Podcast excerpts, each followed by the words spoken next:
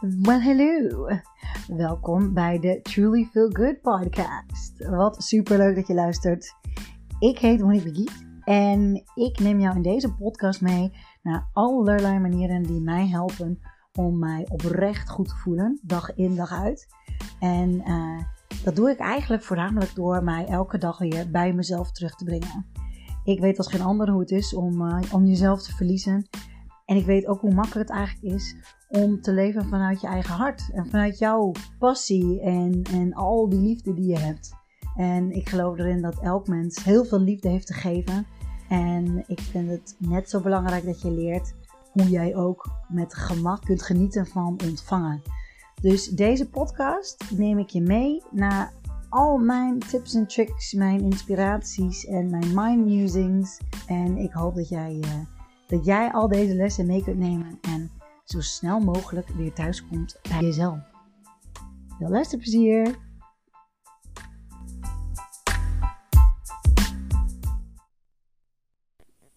Yes, daar ben ik weer. Dit is vandaag deel 2 van het onderwerp uh, waar ik in begonnen ben in aflevering 6. Dat ik er niet meer op terug durfde te komen. Uh, het laatste gedeelte van uh, aflevering 6 ging over de motivatoren, zoals ik het zie in ieder geval. De dingen die ons motiveren om goedkeuring te krijgen en goedkeuring aan onszelf te geven. Dus wanneer wij iets doen of wanneer wij um, iets bereikt hebben, um, wat dan goed genoeg is, even zo gezegd. En um, volgens Eric Byrne, uh, die de transactionele analyse heeft geschreven, gedeeld, in ieder geval, het is, uh, het is een uh, theorie. En als onderdeel van een van die theorieën of als onderdeel van zijn theorie, heeft hij de drivers. En vorige keer heb ik dus driver 1 besproken. Die ging over het bewaren van harmonie en het belang daarvan. Um, en um, mocht je die willen luisteren, ga dan even naar episode 6.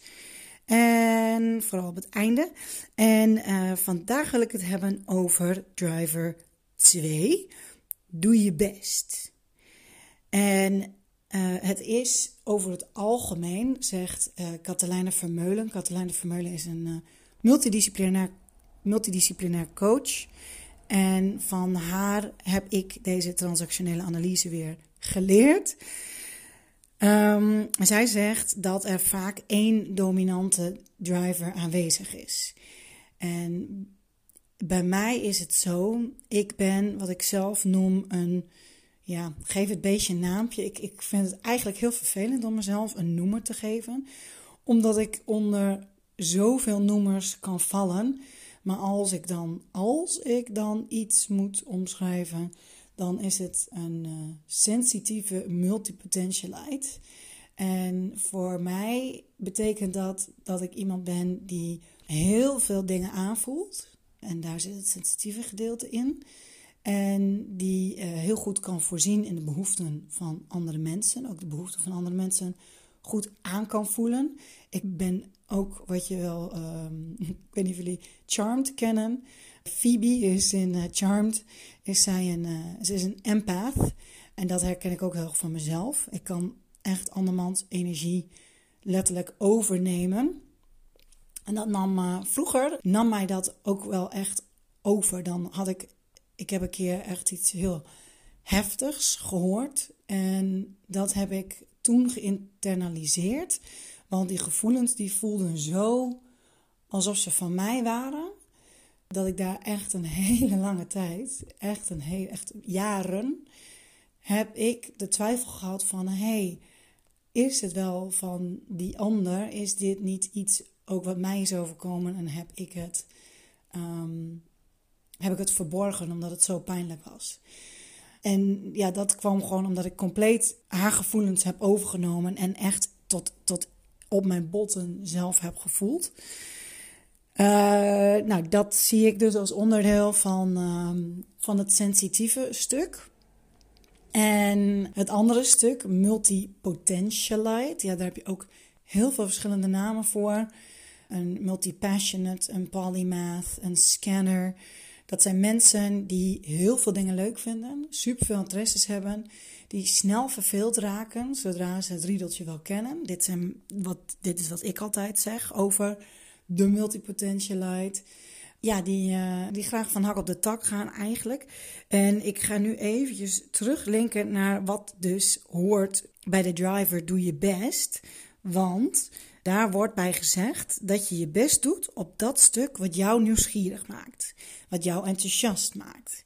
Nou ja, als er iets is, een kwaliteit. Um, ik heb de Loslaten met Liefde cursus. Die, um, die heb ik een tijdje terug, uh, toen die nog live gegeven kon worden, heb ik die live gegeven. En toen opende ik de avond met de vraag: wat vind je het leukste aan jezelf? En wat ik toen zelf heb verteld, is dat ik mijn enthousiasme het allerleukste vind aan mezelf. En de grap is, met deze drivers zijn het, uh, ik had alleen zegt ook heel duidelijk van ja, niets is goed of fout. Het zijn eigenschappen. En de een doet sowieso niet onder voor de ander. Het zijn eigenschappen die, mocht je erin doorslaan, kan het je ja, tegenwerken of je remmen in het behalen van je successen. En kan het je ook belemmeren en, en uh, dingen moeilijker maken. Dus er zitten bij elke driver zitten er hele toffe lessen bij, die ik ook allemaal herken. Dus dat vind ik heel erg leuk, want het zijn allemaal lessen waar ik veel aan heb gewerkt, de een meer dan de ander. En bij deze driver, goed, ik geef even de kenmerken uh, die Katelijne heeft gedeeld met ons, studenten.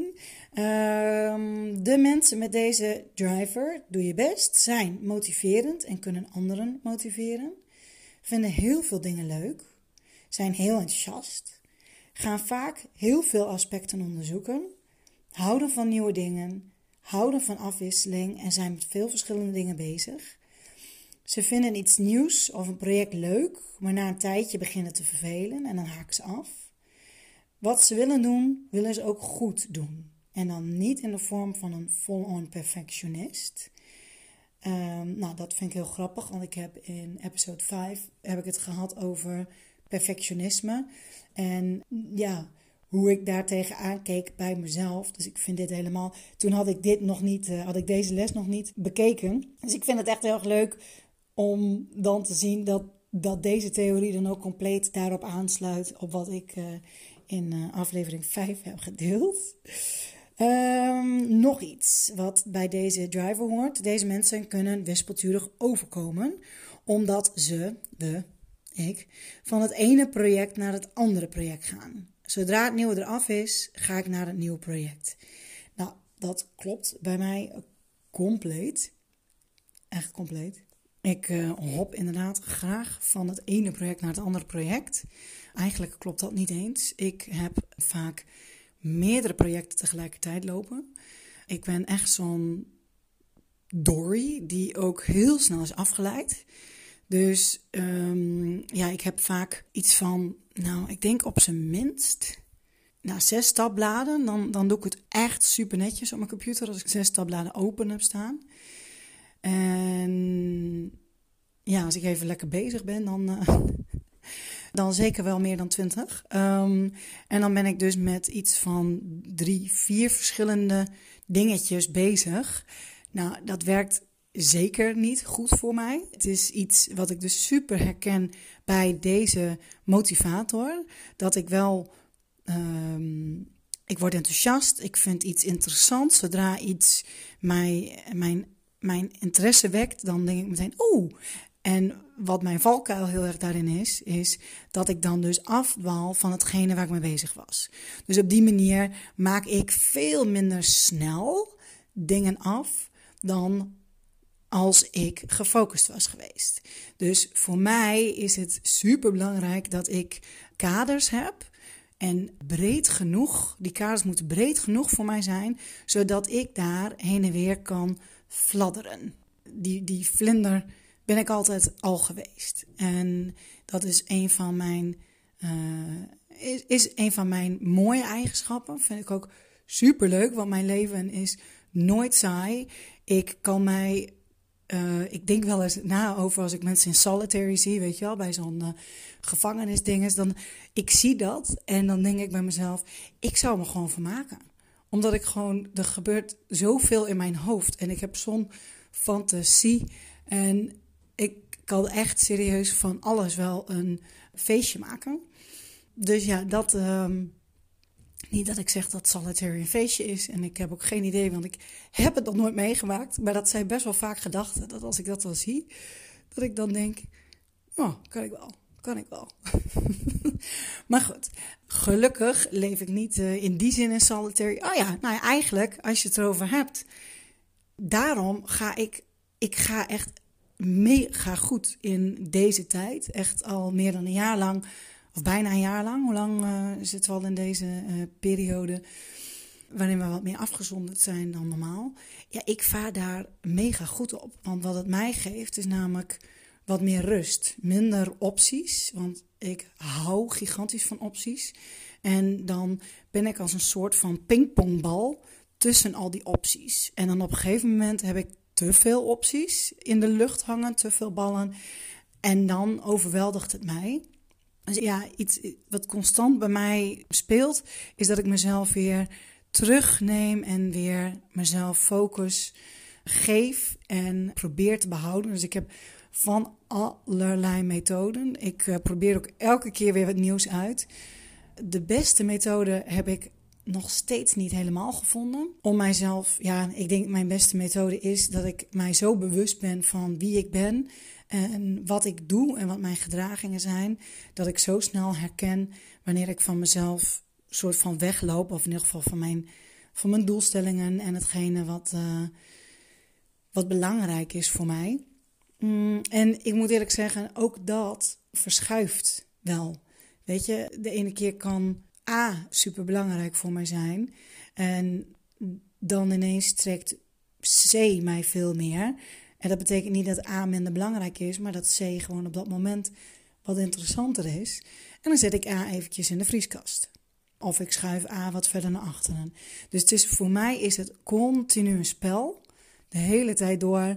En wat voor mij persoonlijk heel belangrijk is, en wat ik ook echt geleerd heb over de jaren. Ik, uh, ik ben mezelf echt kwijtgeraakt een aantal jaar geleden. En uh, elf jaar geleden. En in mijn ja, soort van herstel, in het terugbrengen van mezelf naar mijn nieuwe, vernieuwde zelf, die heel veel lessen heeft geleerd en ook heel veel dingen weet toe te passen. En nog steeds leer ik elke dag, dus ik uh, ben nog lang niet uitgeleerd. De belangrijkste al dan niet voor mij is elke keer in te checken en bij mezelf en kijken van waar ligt mijn behoefte vandaag? En dan kijk ik op fysiek niveau, ik kijk op mentaal niveau en ik kijk op zielsniveau, hartenniveau. Dus het is heel erg belangrijk voor mij om dat ook, dat dat klopt met elkaar. Want op het moment dat dat niet klopt met elkaar, dan is daar een, een weerstand, dan komt er ook een bepaalde onrust of een bepaalde verdrietigheid misschien met mij. En dan, dan weet ik al meteen, ik ben out of line met mezelf. En ja, dan heb ik gelukkig heel veel toffe methodes om dat weer in line te brengen. En omdat ik zoveel verschillende dingen ook ja, geprobeerd heb en ook weet wat werkt bij mij, kan ik nu heel snel schakelen en kan ik best snel weten van, oh oké, dat is nu op dit moment handig voor mij om nu toe te passen. Ik doe bijvoorbeeld heel veel aan yoga. Uh, Zo'n beetje elke dag sta ik op en dan begin ik met yoga, ademhalingsoefeningen, uh, meditatie, bepaalde vorm van meditatie. Uh, voor mij integreer ik mijn, mijn, meditatie ook wel in mijn yoga. Dat ligt heel erg bij mijn ademhaling wandelen. Ik heb, ja, het verschilt dus ook heel erg bij mij. Wat ik zeg, ik kijk dan echt ochtends van waar heeft mijn lichaam behoefte aan. En dan ga ik ehm, helemaal in de zomer is het allerlekkerste om als eerste meteen de deur uit te gaan en te gaan wandelen. Ik merk dat nu met dit, ja, met dit weer en het donkere trekt het mij gewoon ja, toch wel aanzienlijk minder om s ochtends vroeg meteen te gaan wandelen. En dan heb ik nu heb ik elke keer meer zin om gewoon lekker yoga te gaan doen. En lekker te richten op mijn ademhaling. En dan verschilt het ook nog heel erg wat voor soort yoga ik ga doen. Dus ik typ ook altijd heel gericht in wat voor soort yoga ik behoefte aan heb. Dus ik, ik ben iemand die dus heel snel in haar hoofd zit. Dus stel ik word wakker, wat vaak gebeurt overigens, dat ik meteen aansta. Dan, eh, dan heb ik echt duizend één ideeën al.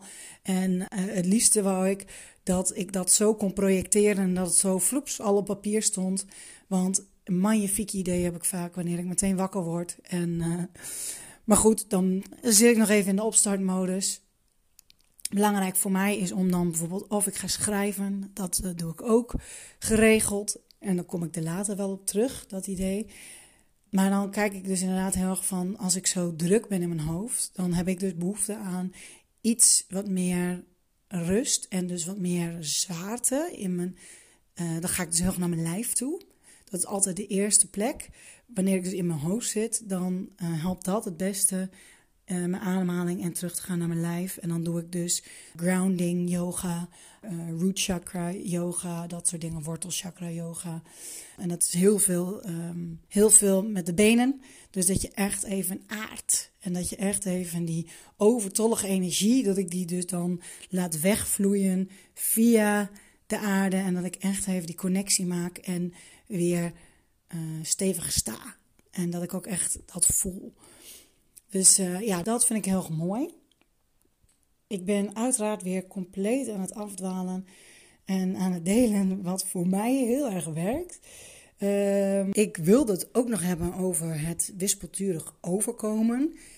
Ik voelde mij.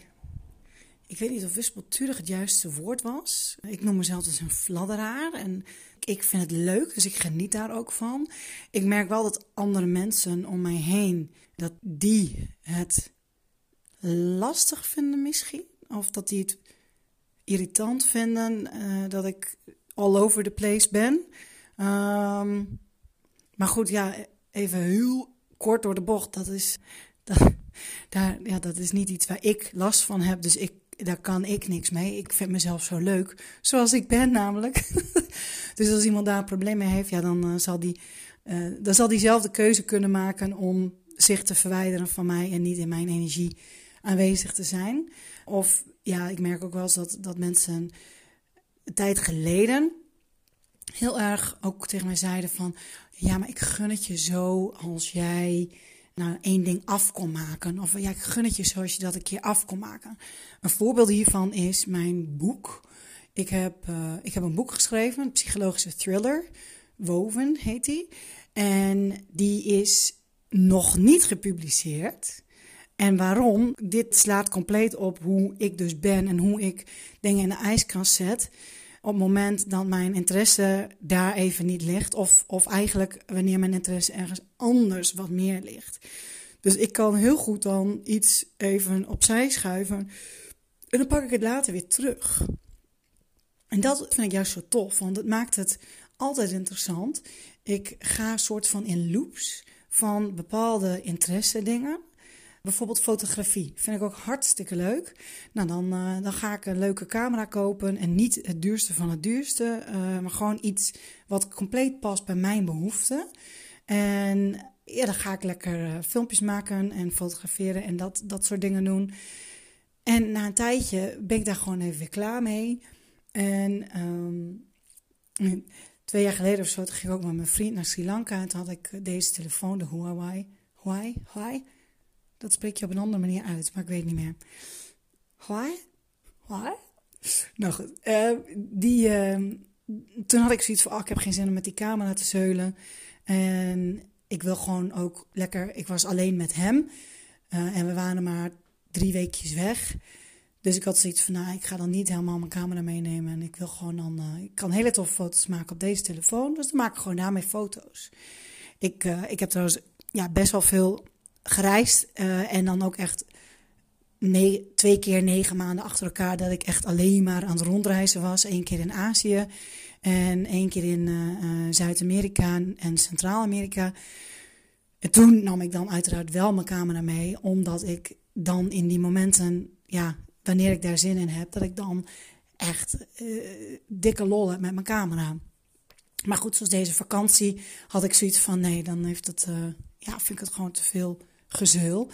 En Arjan, mijn vriend, die had echt zoiets van: hè, maar jij vindt dat toch leuk, foto's maken? Ja, vind ik ook. Maar goed, nu heeft dat minder. Ja, ik heb andere prioriteiten. En ja, dat vind ik juist wel weer heel erg gaaf en prettig. Dat ik daar heel erg in kan schuiven. En dat betekent niet dat ik het niet leuk meer vind.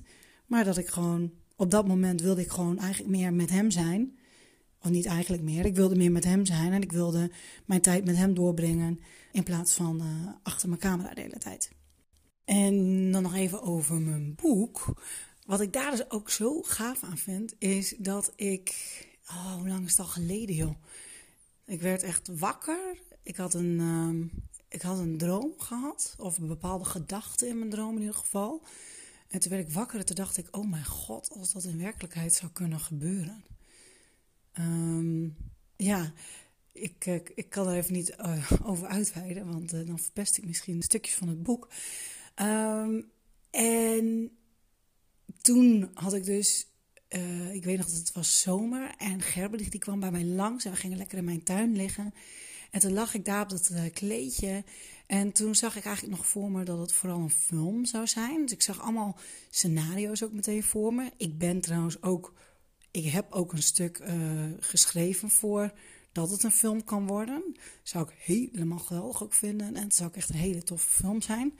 Maar dan moet die dus anders geschreven worden. Dus ik heb ook al een stukje voor, uh, voor het filmscript. Ik weet ook al precies wie ik wil dat uh, welke rol gaat spelen. Een van de Hemmingsworth broertjes die, die gaat de lead spelen, dat sowieso. en Rachel McAdams, die gaat ook een rol spelen. Dus nou ja, we shall see. In ieder geval, ik lag daar en ik had vooral zoiets van. Uh, van ik zag allemaal scenario's voor me. En toen dacht ik, oh, dat is wel een, uh, wel een heel tof boek ook. Oh, en toen, ik, weet niet eens hoe het verder is gegaan. Ik heb in ieder geval, ik ben denk ik diezelfde middag ben ik gewoon uh, gaan schrijven. En ja, wat van de scenario's die ik in mijn hoofd had, ben ik gaan uitschrijven.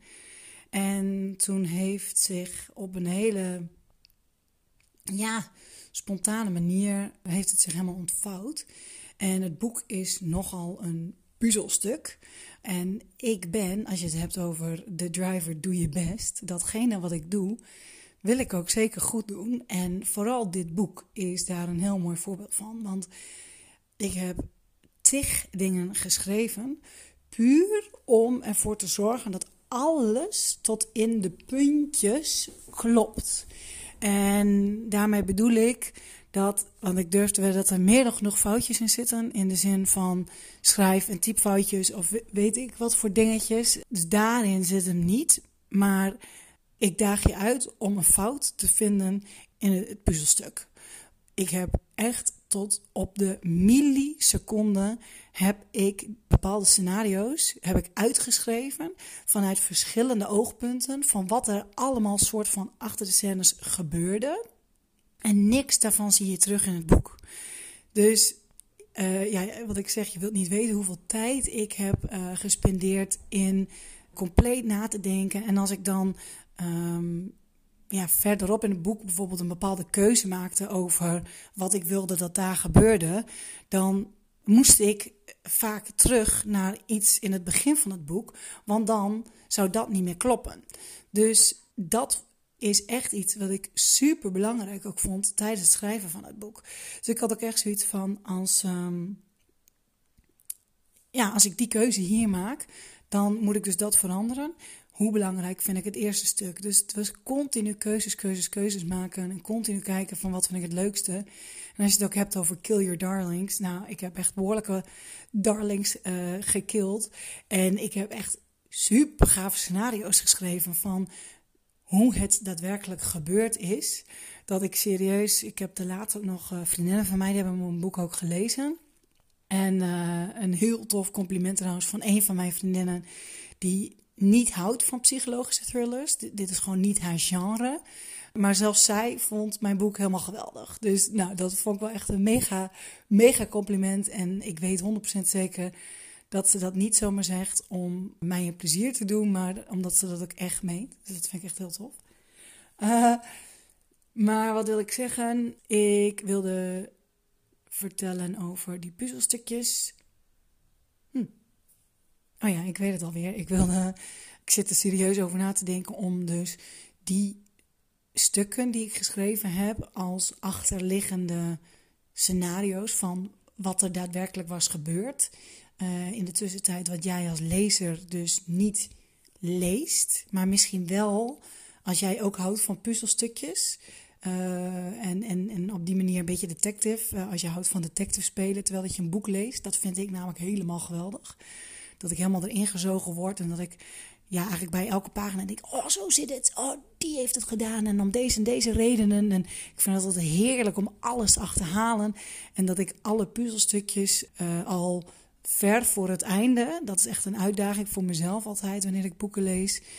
van dit soort boeken in ieder geval. Dat ik heb achterhaald wie het heeft gedaan, waarom diegene het heeft gedaan en op welke manier. Die laatste vind ik nog wat minder belangrijk, maar de, de hoe, ja, nou ja, goed, ja, hoe, what, where, dat, uh, daar maak ik altijd een sport van om dat van tevoren uitgezocht te hebben. Dus ik kan mij zo voorstellen, tenminste als ik dit boek had gelezen, dan zou ik wel bevredigd zijn. En ik zou het ook tof vinden om te weten hoe is het dan allemaal gegaan. En hoe, heeft, uh, ja, hoe, hoe is het dan allemaal, hoe heeft het uitgepakt en hoe is het allemaal zo uitgespeeld. In ieder geval, ik zit er over na te denken om dat als een soort van uh, extra boekje erbij te doen. Maar goed, vriendinnen van mij zeiden: nee, is niet nodig. Ik voorzie nog een, uh, een tweede een, een deel 2 projectje van, uh, van het boek. Maar goed, deel 1 project is eerst nog dat ik hem ga publiceren. Ik kan hem op elk moment, kan ik hem nu, ik kan zo op het knopje drukken, publiceren. En ik kies daarvoor om dat niet te doen. Ik uh, heb hem, kijken hoor, bijna drie kwart jaar ongeveer geleden heb ik hem compleet overgezet. Hij is nu al een paar jaar is die af, dus compleet afgeschreven. En vervolgens heb ik hem overgezet en compleet geëdit in Kindle. Kindle uh, is een e-book, uh, zo'n e-reader. Dus helemaal geëdit en voor Kindle, zodat hij op die manier ook verkocht kan worden. Alleen nou is het zo dat je daarvoor echt een marketing, een hele marketingcampagne voor wilt starten. Dat zeggen meerdere schrijvers ook tegen mij. En ik heb zelf inderdaad ook zoiets van, ja, dat is eigenlijk toch wel heel erg tof. Ik heb namelijk als wens, stel dat ik morgen zou overlijden, dan zou ik echt willen dat mijn boek gewoon gepubliceerd wordt. Want ik vind het zo'n gaaf boek. En dat uh, ik wil meerdere dingen. Ik wil ook heel graag dat mijn uh, The Truly Feel Good Journey, dat is een programma waar ik nu vooral heel erg mee bezig ben, om die online te krijgen. Die wil ik ook heel graag online hebben. Maar goed, het boek is af. Die kan op elk moment gepubliceerd worden. En ja, die moeten mensen gewoon lezen, die zij zoals dat ik ben, die dat ook helemaal geweldig vinden. Dus uh, ja, die druk op de knop, dat kan op elk moment. Maar ik wil dat dus wel graag doen op mijn manier en in mijn tijd, wanneer ik daar ook volledig zin in heb. Dus zet ik hem weer in de ijskast. En zo is dat dus over de jaren heen, is het elke keer, dan was ik er echt vol pool mee bezig. En dan met super enthousiasme. Dan kon ik niet wachten tot ik weer thuis kwam van het werken. En dan ging ik heerlijk weer schrijven tot s'nachts drie uur, vier uur. Kon ik zo doorgaan. En dan was ik eventjes weer verzadigd. En dan, uh, dan uh, na een half jaar had ik, nou, meestal was het eigenlijk niet eens dat ik verzadigd was. Ik, dan was er gewoon iets anders wat nog meer mijn aandacht trok. En dan zette ik deze dus weer op de parkeerstand. En na een tijdje kwam die wel weer terug. Dus ik ben heel benieuwd of er meerdere mensen zijn die dit ook herkennen.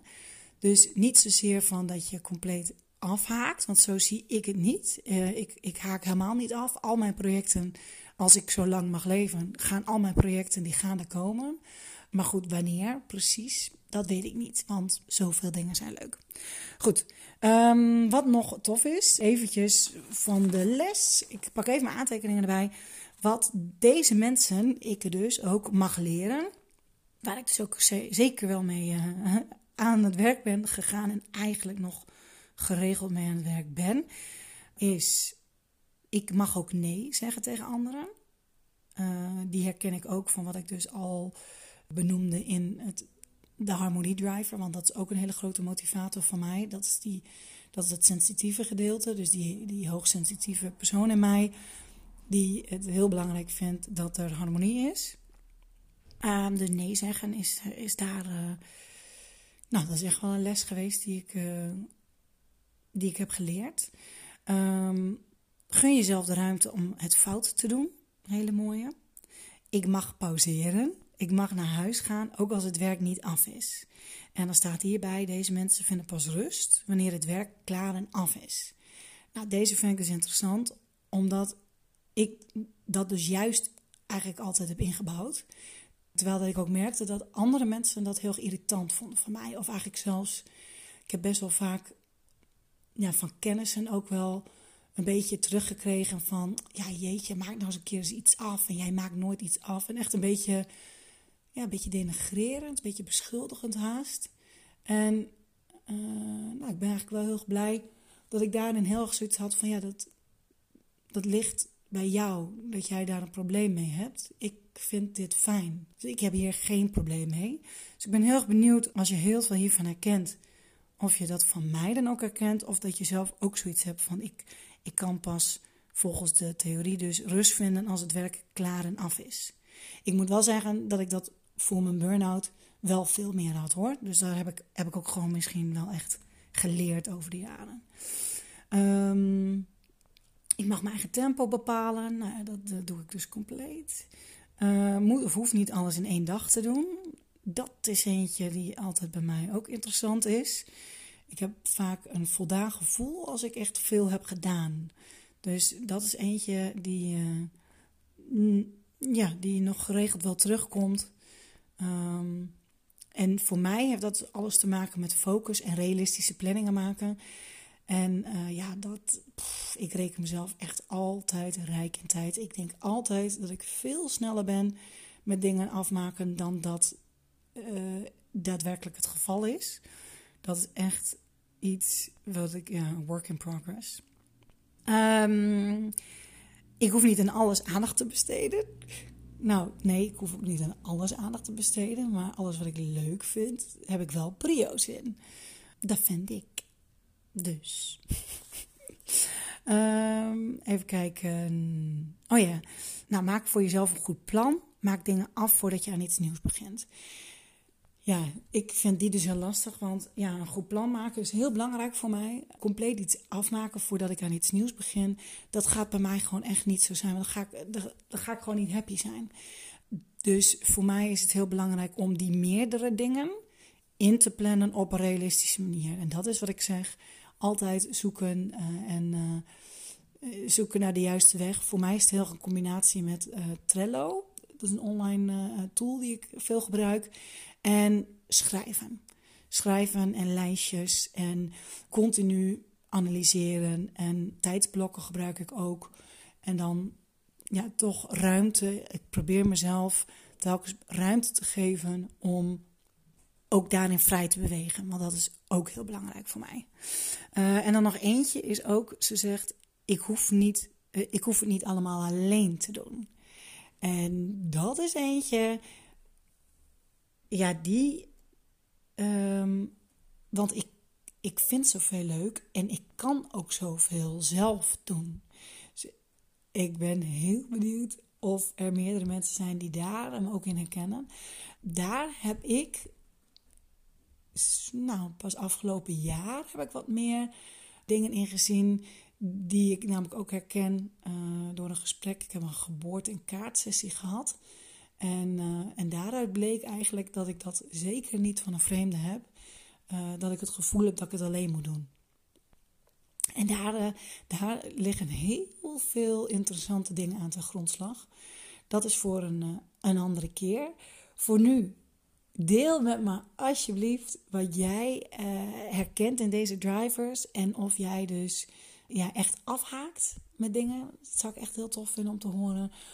Of dat jij uh, Of dat jij net als ik terugkomt in cirkels en, eh, en eigenlijk weer ja, dingen in de ijskast zet en ze weer terugpakt op het moment dat jou dat weer, dat weer naar jou longt. Ik, uh, ik ben heel benieuwd. Super bedankt voor het luisteren. Ik vond het vet leuk om hierover te kletsen met jullie. Ik, ik spreek jullie gauw. De volgende driver komt eraan. Deel 3. Stay tuned.